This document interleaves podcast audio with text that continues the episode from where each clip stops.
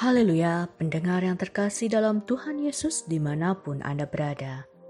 Damai dan sukacita menyertai kita semua.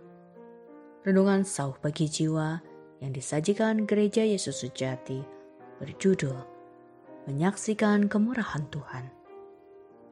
Dalam nama Tuhan Yesus, membacakan renungan firman Tuhan.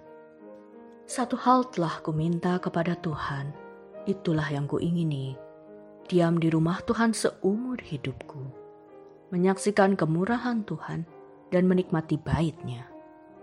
Mazmur 27 ayat 4 Sebagai orang yang percaya, kita membawa serta kemurahan Tuhan dalam kehidupan kita masing-masing.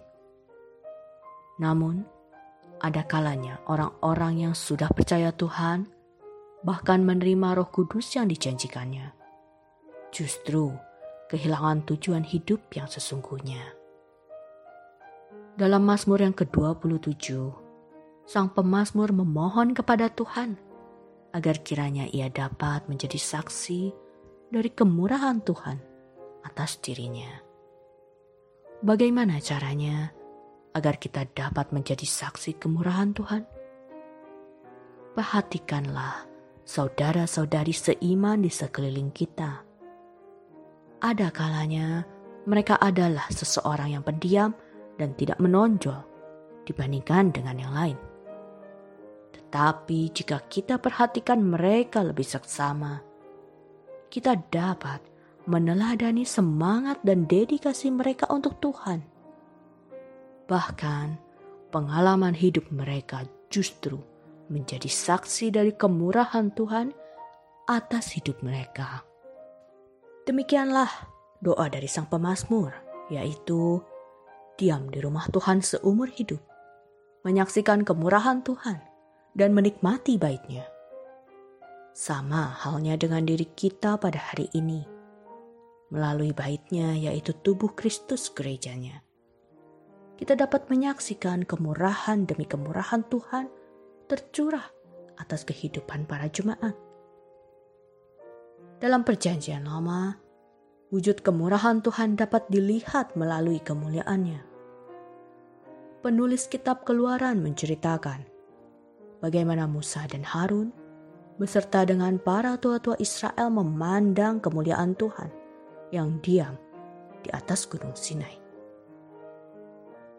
Dalam Perjanjian Baru, wujud kemurahan Tuhan dinyatakan melalui kemuliaan Yesus Kristus penulis Injil Matius pernah mencatatkan di pasal 17 bagaimana Tuhan Yesus saat ia berada di sebuah gunung yang tinggi. Wajahnya bercahaya seperti matahari dan pakaiannya menjadi putih bersinar seperti terang. Salah satu murid Yesus, Petrus, yang menyaksikan peristiwa tersebut begitu berbahagia dan terpuaskan. Sampai-sampai ia ingin mendirikan kemah baginya di atas gunung itu. Padahal secara penampilan fisik, menurut kitab Nabi Yesaya 53 ayat 2, ia adalah seorang yang tidak tampan. Semaraknya pun tidak ada dan ia bukanlah seorang yang rupawan. Maka seseorang yang hanya menilai orang melalui penampilan fisik. Orang tersebut tidak akan datang kepada Tuhan Yesus. Tetapi secara penampilan rohani, ketika ia berada di atas gunung, Tuhan Yesus wujudnya berubah secara rohani di hadapan murid-muridnya. Dan mereka pun menjadi bahagia serta terpuaskan. Bahkan mereka ingin tinggal di sana di atas gunung bersama dengan Tuhan Yesus. Hari ini, jika kita merasa bahwa Tuhan Yesus tidaklah menarik, itu disebabkan karena kita tidak memiliki kemurahan Tuhan dalam diri kita, dan kita belum sungguh-sungguh mengenal Tuhan secara mendalam. Saat kita memahaminya lebih dalam, dan merasakan sendiri kasih kemurahannya, kita akan selalu tertarik pada Yesus. Dalam penyertaan dan bimbingannya, justru Tuhan akan memperlihatkan kemuliaannya dalam hidup kita.